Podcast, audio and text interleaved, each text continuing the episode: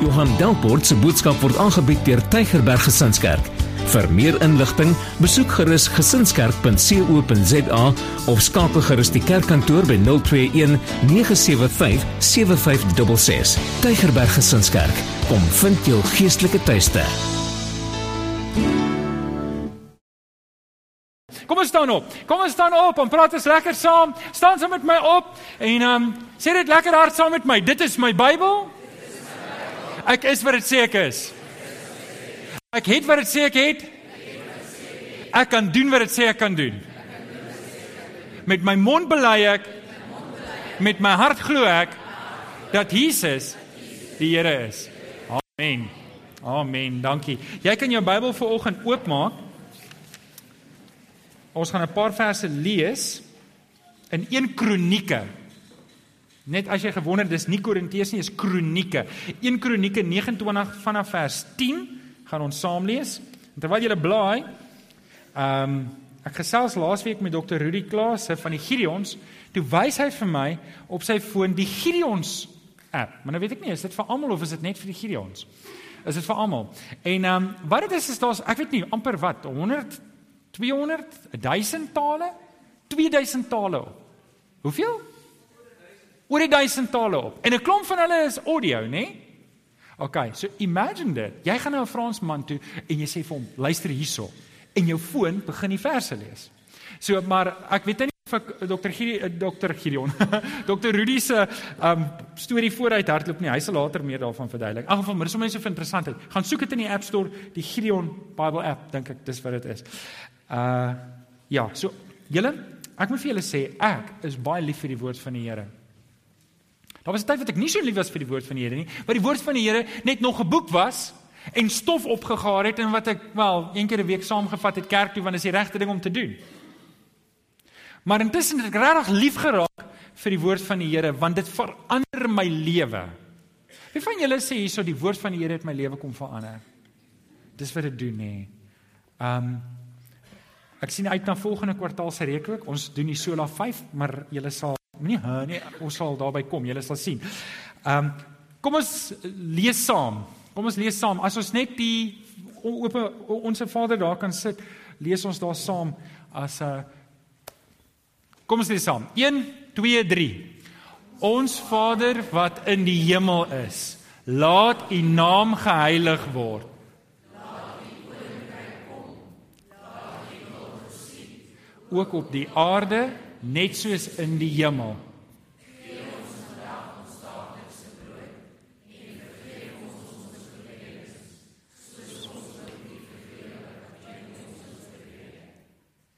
Laat ons nie in die versoeking kom nie, maar verlos ons van die bose, want aan U en die krag. Amen. Amen. Ons is die afgelope 8 weke besig met die Onse Vader en ek dink ons het hom redelik deurgetrap en ons sou die reeks vandag hier geëindig het. Maar soos wat ek aangegaan het, het ek agtergekom ek kort nog 1 week om hierdie reeks af te eindig. So volgende week is die grand finale van hierdie reeks. OK, so hierdie reeks eindig nie vandag nie, alhoewel ons die laaste deel doen, gaan ek volgende week gaan ons 'n ding doen en ons gaan kommitment kaartjies invul want in my hart leef dit dat ons 'n gemeente van gebed sal word meer en meer en sal wees. En dit bemoedig my die mense wat op 8uur op 'n Sondagoggend bymekaar kom om saam te bid. Nou weet ek weet dis nie vir almal beskoor om so vroeg op te staan op 'n Sondag nie. Wie van julle vind dit moeilik sê mm. En dit is hoekom ek soveel waardering het vir hulle. Wel, nie te sê van die werkerspan wat 6 ure is nie. Ons moet regtig vir hulle bid dat hulle nie ophou om 6 uur. So as jy in jou bed lê en jy kan 'n gebed bid bid vir die werkerspan dat hulle net moet bly kom. Ons het hulle so nodig. Amen. Amen. Okay, so ons is besig met hierdie reeks en ons baseer dit ook op Lukas 11 vers 1 waar Jesus se disippels na hom toe kom en sê: "Here, Lukas 11 vers 1, leer ons bid soos wat Johannes sy disippels geleer bid het." En hier moet 'n klok vir ons lui want baie keer is ons bang om te bid. Ons is bang om saam met mense te bid, ons is bang om voor mense te bid en daar's 'n goeie rede daarvoor. Daar's 'n groot rede hoekom mense nie bid nie. Baie mense bid nie want hulle weet nie hoe om te bid nie. Amen. En daai probleem kan baie maklik reggestel word deur om eenvoudig te leer om te bid. Ek ek ek kry nie idee wanneer dit kom by die by die dinge van die Here en by die geestelike dinge, dan dan dink ons goed moet net gebeur. Ons net skielik dit weet. En dis nie hoe dit werk nie. Luister, ek gaan nie verse ken as ek nie tyd spandeer in die woord van die Here nie. Die Heilige Gees gaan nie net verse in my kop sit en ek gaan skielik die Bybel ken. Weet soos wat ons 'n memory stick vat en ons druk hom in en ons download. O, oh, nou is die Bybel op my. Dis nie hoe dit werk nie. Ek moet die tyd insit om die woord te leer. Net so moet ek tyd insit om te leer om te bid. Nou hoekom ons hierdie reeks doen? As ek net hierdie introduction vir my kan aangaan. Ons doen hierdie reeks want dit is vir my belangrik dat jy moet weet, nie net kan jy bid en mag jy bid nie, maar jy behoort dit. En ek, wat die predikant van hierdie gemeente is, het nodig dat jy saam met my moet bid. En dis hoekom ons so lank spandeer op so reeks. En Hierdie is 'n belangrike gedagte. As jy nie bid nie vir watter rede ook al, is dit 'n deksel op die groei van jou geloof. En dan is jy presies waar die vyand jou wil hê. Die vyand, ons die duiwel wil hê ons moet 'n biddelose gemeente wees, want 'n biddelose gemeente is gemeente sonder krag. Gaan lees die hele Handelinge deur. Wanneer hulle bymekaar gekom het, het hulle gebid. Wanneer hulle bymekaar gekom het, het hulle gebid.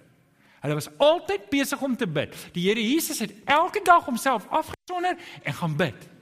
En ek en jy moet daai voorbeeld volg as ons wil groei in die Here. So ons kyk na die Onse Vader, Onse Vader wat in die hemel is. Ons het gekyk na laat U naam geheilig word. Ons het gekyk na laat U koninkryk kom, laat U wil geskied. Dit ons gekyk na gee ons vandag ons daaglikse brood. Alex het gedoen vergeef nee nee, hy het gedoen nommer 7. Vergewe ons sondes en toe laasweek help ons om te staan teen die versoeking in ons lewens. Ek sal graag nou 'n kort opsomming wou gee, maar dan gee ek 'n klein preek net daaroor. So luister asseblief die boodskappe. Dit is op die internet, jy kan dit daar agter kry. Vanoggend kom ons by die laaste deel in die onsse Vader. Nou, van julle wat die 83 vertaling het, sal agterkom dit staan nie daar nie. Wie van julle het agtergekom? Want aan U behoort die krag, die koninkryk en die krag en die heerlikheid tot in ewigheid. Kyk kyk net gou-gou daar. Ek wil net gou kyk wie se Bybel het dit nie in. Steek dit gou steek net gou op julle hande. OK. So julle het die post 83 vertalings. Het sy dit nou die nuwe lewende vertaling of die boodskap is of die nuwe direkte vertaling? Jy sal sien dis nie daar nie. Wie van julle se Bybel het dit in in die hoofteks. Steek net gou op die hande. Kan sienlik minder. Julle het die sogenaamde 53 vertaling of vroeër. En ek gaan julle nou verduidelik wat het gebeur en is my belangrik dat jy moet verstaan want wie van julle het nie geweet nie, maar die 83 en later Bybel het 'n paar verse nie. Het julle geweet? 16 verse ontbreek. Het julle dit geweet? Wie van julle is half bietjie verras en sê ek het dit nie geweet nie? OK, nou weet julle dit. Ek gaan julle nou vertel hoekom. Die 83 en later vertalings het omtrent 16 verse en 'n klomp woorde nie. En ek wil vir jou mooi verduidelik hoekom dit so is. Um want dit gaan jou 'n paar vrae moet laat vra vir die toekoms. Maar ek wil eerstens net hier sit. Die Bybel wat jy in jou hand het. Is dit nou Paus 83 of Pre 53? Dis die woord van God. OK? Moenie twyfel daar nie. En niks wat ek en Alex hier ooit hiervan vooraf sê, moet jou laat wonder en sê, "Ooh, as ek nie die Grieks of Hebreëus het nie, dan kan ek nie die woord van die Here verstaan nie." Weet julle wat vir my so wonderlik dat oor al hierdie jare is daar 16 verse wat eintlik nie 'n impak het op die boodskap nie, wat eintlik nooit daar moes gewees het nie. En dis al. En dit sê vir jou hoe wonderlik God getrou was om sy woord behoue te hou vir my en vir jou. So ek wil hê, hou net gou jou Bybel so in die lig. Is dit nou jouself en sê hierdie is die woord van God. Okay, so hier. So moenie twyfel daarin nie. Wat ek nou sê, sê ek vir jou net dat jy kan verstaan hoekom is daar nie verse nie. So, okay. Toe hulle in die 40s, want dit het vroeër begin en hulle het Bybel begin vertaal want ek dink daar was 'n 33 vertaling ook. So dit moes voor dit gewees het, het hulle vier bronne gehad waarvan hulle gewerk het. So hulle het vier manuskripte gehad, vier bronne en hulle het gesê, "Alraai, ons moet 'n Afrikaanse Bybelvertaling daar sit." En dit is nie net Afrikaans nie, was al die ouer vertalings het op hierdie metode gewerk. King James, ek dink New King James is eers na 80, so hulle het op die nuwe metode gedoen. En wat hulle gedoen het, En wat nie eintlik reg is nie, maar dit maak nie saak nie. Hulle het gesê, wat staan in hierdie verse? Wat staan nie hier nie? Wat staan nie hier nie? Wat staan hier? En dan het hulle 'n volledige vertaling gevat. Verstaan jy wat ek probeer sê? So hulle het gevat as iets nie hier was nie, maar dit was hier dan het hulle dit gevat. OK? So dit is hoekom daai verse en nog 'n paar woorde op 'n paar ander plekke ingekom het wat wat nou in die ou vertaling die 53 vertaling is. Toe kry ons die dooie see rolle en daar word nog manuskripte ontdek en alles. En toe hulle by 83 kom in die 70s toe sê hulle ons dink ons het 'n fout gemaak om daai vertalingsmetode te volg. Dit was nie eintlik regtig wetenskaplik korrek nie en hier's wat ons te doen is. Hulle sê toe ons moet kyk wat's die oudste vertaling wat ons het. Die oudste manuskrip.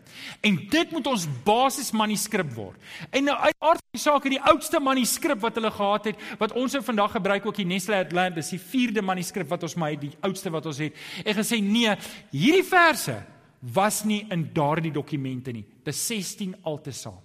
OK, wie van julle voel die mekaar? OK, kom praat met my na die tyd. Wie van julle is by met wat ek nou gesê het? Is julle by? Alraai, so. Met ander woorde, ek wil net hê julle moet verstaan hoekom is hierdie vers nie daar gewees nie. OK, nou hoekom het hierdie spesifieke vers hier beland? En ek dink ons moet dalk net so 2 sekondes daarna kyk net om te verstaan Matteus is geskryf aan aan Jode, is julle by? Is julle julle moet net nog so oomblik konsentreer, dan kan julle nou lekker luister. OK, ek wil net hê hier is hier is die akademiese belang Ons moet dit agter die rug kry en ons is tog hier om saam te leer. Sê asseblief amen. OK. So Matteus is geskryf aan Jode. En Jode is geneig om gebede af te skryf met wat hulle noem 'n doxologie. Nou doxologie is nie 'n Hebreëse woord nie, dit is actually 'n Griekse woord, doxo, doxos wat om te sê om te verheerlik of om eer te bring. En die die die vers wat ons kry aan U behoort die koninkryk, die krag en die heerlikheid is amper net so gehaal uit 1 Kronieke 29 vers 11. So met ander woorde dit maak sin dat Jode wat Matteus gehaat het en onthou hulle het nie gegaan en gesê hoor ek soek 'n Bybel so ek gaan kom toe en wat doen ek? Ek koop vir my 'n boek by Kom 'n Bybel by Kom dink julle het so gewerk in daai tyd? Nee dit het nie. So hoe dit gewerk het is as jy 'n kopie wou gehad het draai wat moes jy doen Jy moet dit oorskryf. En omdat Jode die eerste ontvangers was van Matteus, lyk dit vir ons en het ons die vermoede dat hulle hierdie doxologie gaan inskryf. Alhoewel dit nie in die Bybel is nie, in die oorspronklike grondteks, is dit tog Bybels. Ek wil net daai sin weer herhaal dat julle net mooi dit verstaan. Alhoewel dit nie in die oorspronklike Bybel is nie, is dit tog Bybels. Nou, Ons gaan kyk na hierdie oorspronklike doxologie wat Dawid geskryf het in 1 Kronieke 29 vers 10 tot 11 waaruit hierdie waaruit hierdie um doxologie uitgehaal is. OK, kan ek net eers vir julle sê waar is ons nou in 1 Kronieke 29? Dawid is besig om reg te kry dat die tempel gebou moet word. Maar die Here het vir Dawid gesê, Dawid, onthou, daar was nog nie 'n tempel nie, hulle het net 'n tabernakel gehad, 'n ding wat hulle opslaan en afslaan, amper soos van julle wat kampers is, so 'n ding wat jy dan nou noem 'n huis vir 'n tydperk. So so en Dawid het in sy hart gehad hy wil 'n huis vir God bou en hulle wou 'n tempel bou, maar die Here sê toe vir Dawid, Dawid, jy kan nie die tempel bou nie want jou hande is vol bloed. Jy moet nie die tempel bou nie. Jou seun sal dit bou. En Dawid roep toe die volk bymekaar en sê die Here het gesê my seun Salomo sal die tempel bou. So julle moet nou geskenke bring en julle een van die dae sal ons dit ook doen met die nuwe gebou projek. Is julle reg daarvoor? OK, alhoewel julle moet asseblief net verstaan ons bou nie 'n tempel nie. Ons bou net 'n gebou. Ons bou nie 'n kerk nie, want ons is die kerk. Ons bou die kerk elke dag al het ons nie 'n gebou nie. Amen. OK, so so kom ek sê vir julle hoekom hierdie wow moes wees vir Dawid. En die van julle wat hier sit wat regtig horribale foute gemaak het, horribale sonde gedoen het en jy voel jy's maar net net net net net net in in die koninkryk van die Here en as jy so kan sê soos ek dan sê net op hierdie oomblik amen. Dis ek daai. OK. As jy voel soos dit, dan moet jy verstaan dat Dawid beleef God se genade so intens in hierdie doxologie en hier's hoekom. Want Dawid ken sy eie sonde. Op 'n dag gaan staan hy op die paleis se dak En hy sien 'n noontjie wat besig is om te bad. Nou my ma het gesê as jy koekeloer kry jy pink eyes. Ek weet nie wie van julle onthou dit nie. Okay? So jy het nie gekoekeloer nie. Maar Dawid het gekoekeloer en sy hart het toe verlore geraak op hierdie vrou wat nie moes gebeur het nie en hy het haar ingebring en sy het swanger geword. Ek probeer maar nou so oor die detail gaan ter wille van die jonger ore wat hier is. En Dit was toe nou 'n probleem vir Dawid want die vrou was getroud. En hy het gedink hy gaan nou plan maak. Hy laat roep haar man van die oorlogveld af en sê hoor jy doen wonderlike werk. Gaan kuier nou eers vir jou vrou. Sodat die swangerskap nou kan lyk of dit van hom afkom. So Dawid is skelm hoor. Maar hy lê daar by die voorportaal in die by die paleis sê ek gaan nie terug nie. Dawid sê vir hom wat gaan aan? Ek stuur jou na jou vrou toe. Hoekom gaan kuier jy nie by haar nie? Hoe kan ek kuier by my vrou en vrolik wees by my vrou as my man sterf in die slagveld? Stuur my terug koning Dawid. Dawid weet nou sy in die moeilikheid want nou as hy teruggaan, dan sê eers oor 'n paar maande terug en dan gaan sy weet redelik swanger wys. Ah uh, en en dan gaan die wiskunde nie werk nie. So hy besluit toe om hom, hy roep sy manne en sê hoorie, gaan in die oorlogveld en soek moeilikheid, stuur hom voor trek terug en maak hom dood. En daar's hy, problem solved. Almal kry die vroutjie jammer hy sê, "O, oh, toe maar, ek sal jou inneem, Batseba. Kom, ek sal met jou trou. Jy jou man het goeie werk gedoen." Kan jy glo dat iemand so skelm kan wees? En Nathan kom na hom toe en hy vertel hierdie verhaal van hierdie lam en sê, "Dis jy. Jy is die een wat oortree het." Sê, "O, Okay, nou om 'n lang storie kort te maak, die kind wat toe gebore is, is toe oorlede. Maar die tweede kind uit daai huwelikheid was Salomo. En ek wil hê jy moet hierdie ding hoor van Dawid se hart terwyl ons hierdie vers lees. Dawid se hart is opgewonde oor die Here dat God ondanks sy eie sonde en hierdie verhouding wat hy met hierdie vrou op so skewe manier begin het, nog steeds die, uit daai klein uit die tempel laat bou. Hoor jy hulle God se genade daar? So verstaan dit wanneer ons doxologie is nie 'n goedkoop woorde wat jy sê nie. Dit met 'n dierprys vir almal van ons wat hier sit wat groot groot sonde gedoen het en regtig berou gehad het. Dan's dit plek om 'n doxologie te skryf vir jou. Alraai, so kom ons lees dit saam. Dawid het 'n lofprysing aan die Here in teenwoordigheid van die hele vergadering uitgespreek. Sy woorde was: "Geloof sy U Here. God was ons voorvader Israel van ewigheid tot ewigheid." van van uh, uh, ver, jammer. Geloof sy die Here. Ek begin hom net weer daar. God van ons voorvader Israel van ewigheid tot ewigheid. Die grootheid, Here, die krag, die glans, die roem en die majesteit behoort aan U. Ja, alles in die hemel en op aarde aan U, Here, behoort die heerskappy. U is bo alles verhewe. Dis die vers waarna ons kyk. Van U kom die rykdom en eer. U heers oor alles. Mag en krag word deur U geskenk en dit berus by U om enige iemand groot en sterk te maak. Maar Dawid weet sy eie tekortkominge vers 13 en nou loof ons U, ons God. Ons prys U glansryke naam want wie is ek en wie is my volk dat ons die vermoë sou hê om sulke gawes te bring.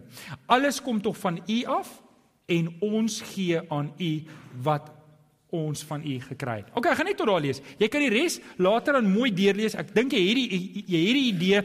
Dawid is bly, hy's opgewonde en hy bring eer aan die Here en ons noem dit 'n doxologie. Nou net weer vers 13 lees in die Onse Vader, want aan u behoort die koninkryk en die krag en die heerlikheid tot in ewigheid. Amen. Nou ons gaan kyk na hierdie drie items. Ons gaan kyk na eerstens die koninkryk. Ons gaan kyk na die krag en ons gaan kyk na die heerlikheid. Skryf op jou raamwerke by nommer 1, die koninkryk. Die koninkryk. Ons fokus op God. En ek dink julle dis goed en reg dat ons ons gebed afsluit met iets soos 'n doxologie, iets wat eer bring aan die Here, iets wat die Here verheerlik, iets wat nie op ons fokus nie, maar op God. En ek wil vir julle wys wat elkeen van hierdie items beteken en watter implikasie dit op my en op jou lewe, op ons gemeentelewe het en hoe ek en jy dit kan bid. In 1 Timoteus 1:17 lees ons: "Aan hom wat vir ewig koning is, die onverganklike, onsigbare, enigste God, kom toe die eer en die heerlikheid tot in ewigheid. Amen." Net daar 1 Timoteus 1:17 net daar tot 'n doxologie. Jy kan Paulus se briewe lees. Elke nou en dan, dan is dit asof Paulus uitbars in lofprysing in die middel van sy brief. En hiervoor sê ons vir die Here dankie, want hy is die groot en die magtige en so en so en so en hy sê amen. Jy kan amper deur die briewe gaan van Paulus en oral waar jy amen sien, kan jy amper weet voor dit was 'n doxologie. En julle dat die Here vir ons sal gee ons so lewe dat ons sulke uitbarstings van lofpryse het, uitbarstings van sulke doxologie het om te sê, Here, ek prys U naam vir die grootheid. Al is ek klein, dis wat Dawid sê. Al is ek nietig, U kom altyd deur. Amen. Paulus gaan verder in 1 Timoteus 6 vers 15.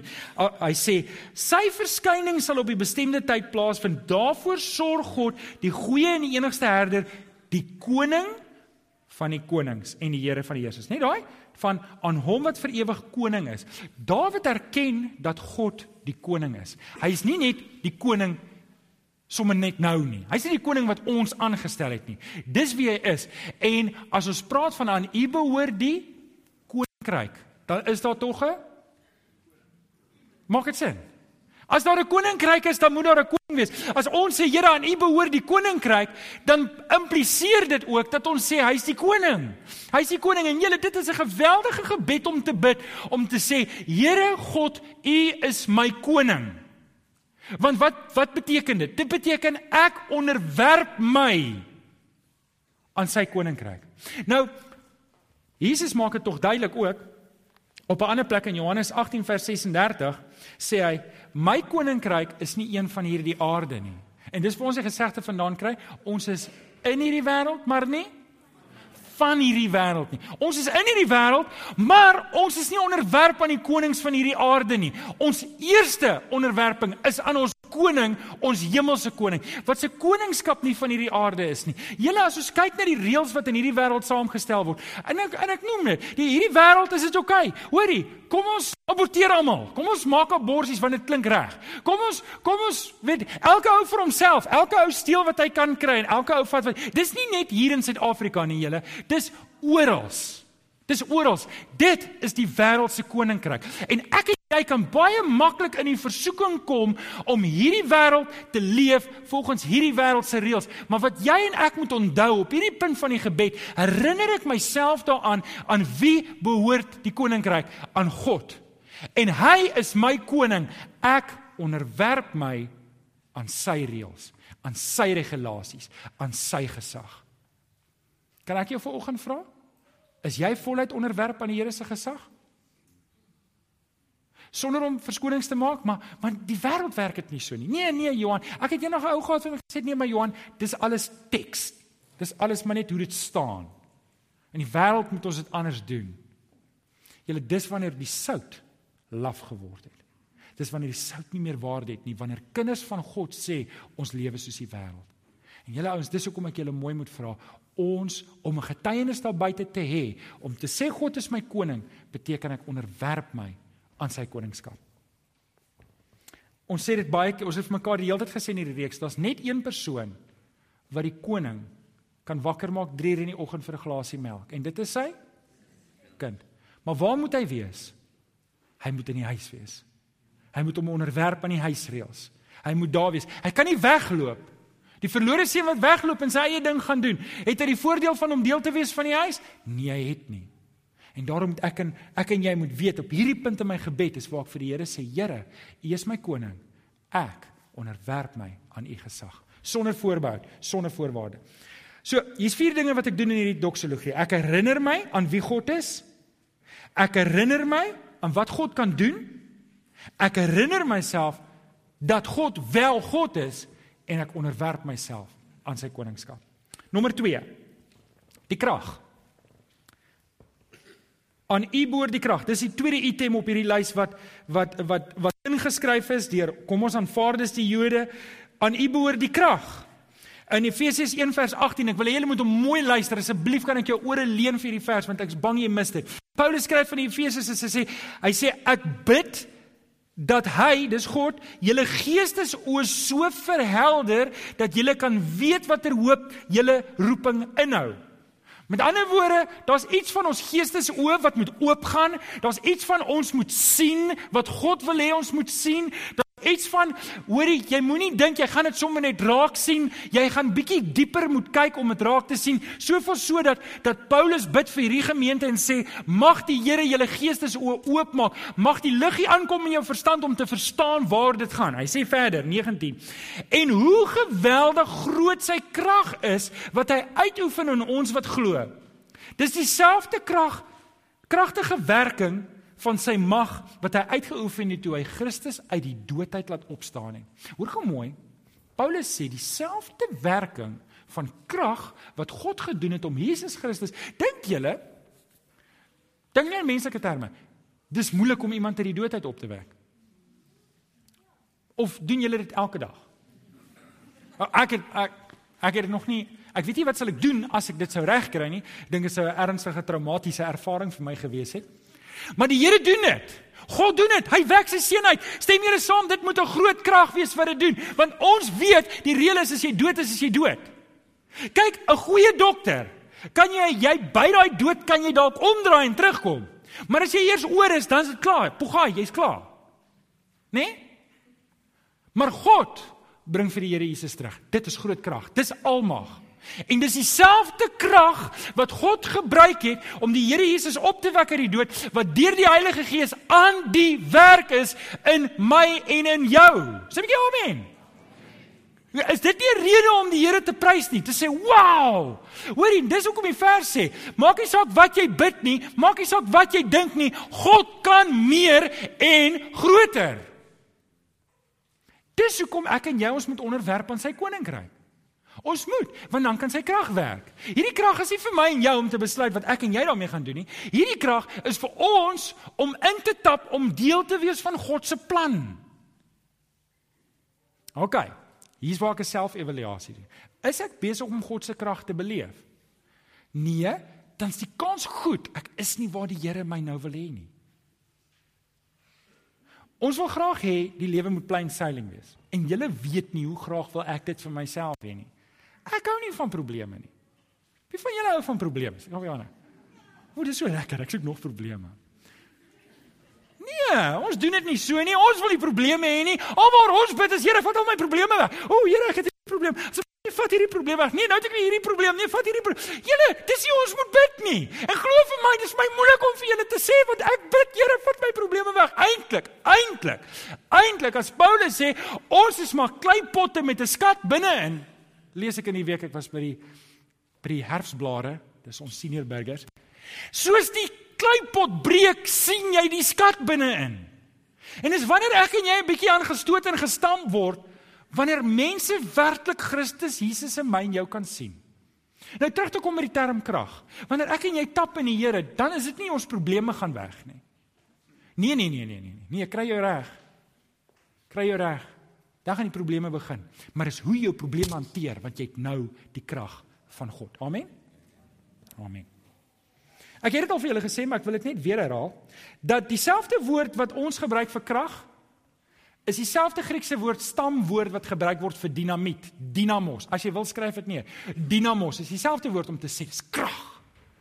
Dieselfde krag, dieselfde dinamiet wat God gebruik het om Jesus uit die dood uit op te wek. Dis dieselfde krag wat in my en in jou besig is om te werk. Wow. Nommer 2, nommer 3. Dis die koninkryk, dis die krag en dis die heerlikheid. Die heerlikheid. Openbaring 4 vers 11 sê Here ons God, U is waardig om die heerlikheid en die eer en die mag te ontvang omdat U alles geskep het. Deur U wil het alles ontstaan en is U geskep. Uh, ag, is dit geskep. Net daai eerste deel, Here ons God, U is waardig om die heerlikheid en die eer te ontvang. Nog 'n doxologie. Das die Nuwe Testament is vol van dit. Vol van dit sulke kort uitbarstings van prys. Efesiërs 3 vers 16 sê ek bid dat hy deur sy gees uit die rykdom van sy heerlikheid aan julle die krag sal gee om innerlik sterk te word. sien wanneer ek my gebed afsluit en ek fokus myself op die heerlikheid van God. Net vir interessant dat die woord heerlikheid en die woord rykdom hou verband.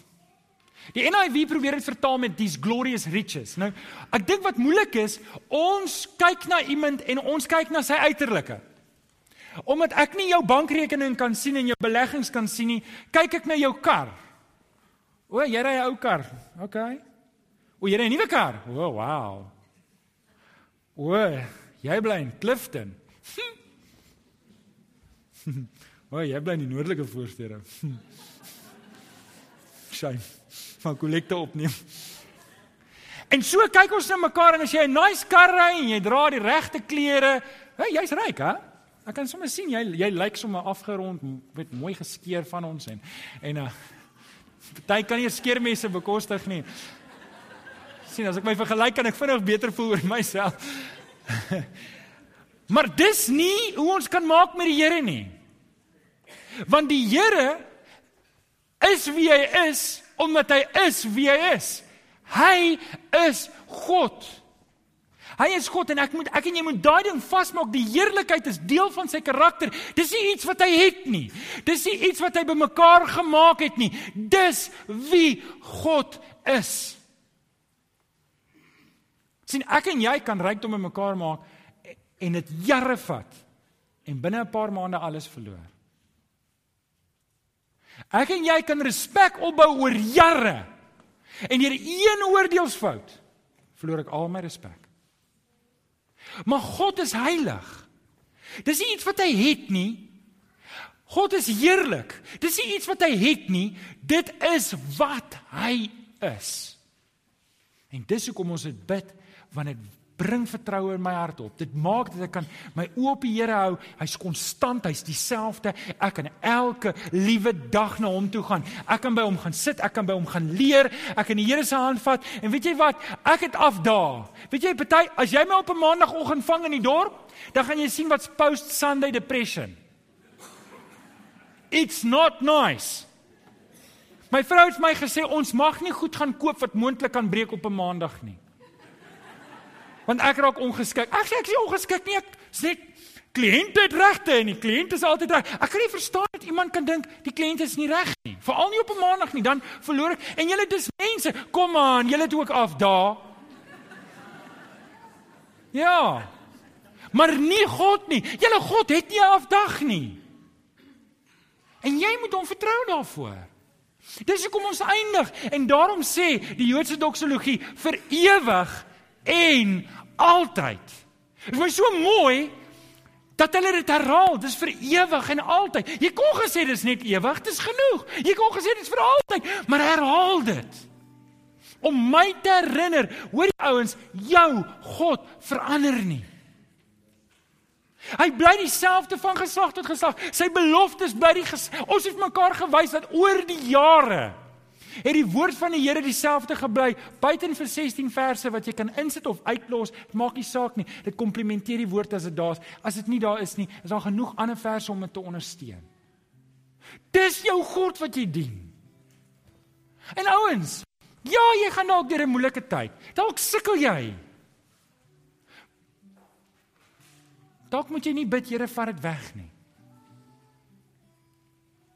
Paulus het ook gedoen. Hy gesê, Here, vat hierdie doring uit my vlees uit. Hy sê hy het drie keer gebid en elke keer het die Here gesê, "My genade is vir jou." Dalk het jy nodig om dit vanoggend te hoor dat my genade, God se genade is vir jou genoeg. So ek en jy kan eindig met hierdie gebed om te sê, Here, my lewe lê oop vir U. Hier's my koning, ek onderwerp my aan U koningskap. U het die krag. En ek weet Here, as ek by U is en ek staan naby aan U, dan gaan ek die krag beleef. U gaan deur die groot krag in my lewe werk. Dieselfde krag waarmee Christus opgewek het, is aan die werk in my. Maar ek moenie daar buite wees, ek moet hier binne by U wees. Here, U is heerlik en U karakter verander nie. Nie vandag nie, nie môre nie. Dit het nie gister nie, dit het nie eergister nie. Dit sal nooit verander nie. Ek wil jou mooi vra om te oorweeg om volgende week te kom. Volgende week wil ek hierdie gebed vasmaak in 'n vorm wat jy dit kan huis toe vat en dit kan onthou. Ons het nou die hele reeks gedoen. En julle, ek het so behoefte. Ek het so groot behoefte in my hart dat ons 'n biddende gemeente sal wees. Ek het so behoefte. Ek het so behoefte. Hoekom kan ek jou nie uitdaag? Ja, jy sukkel om 8 uur op te staan. Nee, 8 uur, half 7 of 7 uur of wat. Maar hoekom kan ek jou nie vra om een keer 'n maand, net een keer 'n maand saam met my te kom bid nie? Ek weet vir julle wat kinders het, is dit dalk 'n bietjie moeiliker, maar oorweeg dit, net een keer 'n maand. Kies vir jou 'n week in die maand en dan kom jy een keer 'n week, een keer 'n maand, kom bid jy saam. Hoe hoekom kan ons nie vir mekaar bid nie? Hoekom kan ons nie 'n biddende gemeente word nie? Ek wil vir jou opdra aan die Here vanoggend, maar ek wil hê jy moet jou hart oopmaak vir die Here. En dat jy in jou hart sal bid, Here, maak my 'n bidder. Maak my 'n bidder. 'n Bidder wat U wil bid. Kom ek bid vir jou. Vader, dankie vir die woord. Dankie Here dat ons na die onsse Vader kan kyk en dit regtig 'n impak in ons lewe kan hê dat dit verander hoe ons dink oor U, dit verander hoe ons dink oor ons lewe, dit verander hoe hoe ons dink oor ons kristendom. Vader, vanoggend wil ons kom bely U is ons koning. En ons wil onsself kom onderwerp aan die koningskap. Here, U behoort al die krag. Die krag is U se, Here, en En ons wil kom aanmeld dat U deur die groot krag soos wat Paulus sê dat ons geestes oë sal verhelder, dat ons sal agterkom ver oggend hier, sal agterkom dat U deur ons wil werk met hierdie krag. Here, U karakter is heerlik. Dis nie soos ons mense wat maar iewers in ons hart iewers 'n donker kas het wat as ek op daai dag slegte dag het kom dit uit. Nee, Here, U is nie so nie. Here, U bly vir ewig dieselfde. Wil uitnodiging maak terwyl jy so sit. Dalk dalk het jy moeilike omstandighede in spesifiek dit. Jy het 'n moeilike tyd wat jy ingaan en en alles in jou wil net bid dat dit moet weggaan. Ek wil volgens vir jou geleentheid gee om te sê Here, ek vertrou U koningskap. Ek weet U werk met U krag deur my. U karakter is heerlik. U verander nie. U gaan my nie in die steek laat nie. As dit is waartoe ek moet gaan, gaan ek U vertrou. As jy ver oggend wil sê ek gaan die Here vertrou met wat dit ook al is as jy iets moeilik het, wil ek jou kans gee om te reageer. Staan op. As jy 'n moeilike tyd het in jou lewe wat sê Here, ek vertrou U. Staan op as jy wil sê Here, hier is ek. Ek wil jou kans gee. Dankie vir die mense wat opstaan. Reg, as jy hand wil opsteek, kan jy jou hand ook opsteek. As jy nie kan opstaan nie. As jy 'n moeilike tyd gaan. Is daar nog iemand wat wil opstaan? Wil ek wil spesifiek vir julle bid. Kom ek bid vir julle. Here, jy sien die mense wat staan. Ek kom dra hulle spesifiek op die hande wat ook opgegaan het, Here. U weet die moeilike tyd waardeur hulle gaan. Help vir hulle, Here, om hulle oop U te hou in hierdie moeilike tyd. En te weet, Here, U sal hulle nie in die steek laat nie. Dankie daarvoor. Ons bid dit in Jesus naam. Amen. Amen. Kom ons staan. Kom ons staan en sing ons saam met Kenneth hulle. Baie dankie dat jy na hierdie boodskap geluister het. Ons glo dat elke gelowige binne die konteks van 'n gemeente behoort te groei. Indien jy nog nie by 'n gemeente ingeskakel is nie, kom besoek ons gerus hierdie Sondag by Laerskool Jean Louw se skoolsaal, Tulipstraat, Amanda Glen, Durbanville. Tegerberg Gesinskerk. Kom vind jou geestelike tuiste.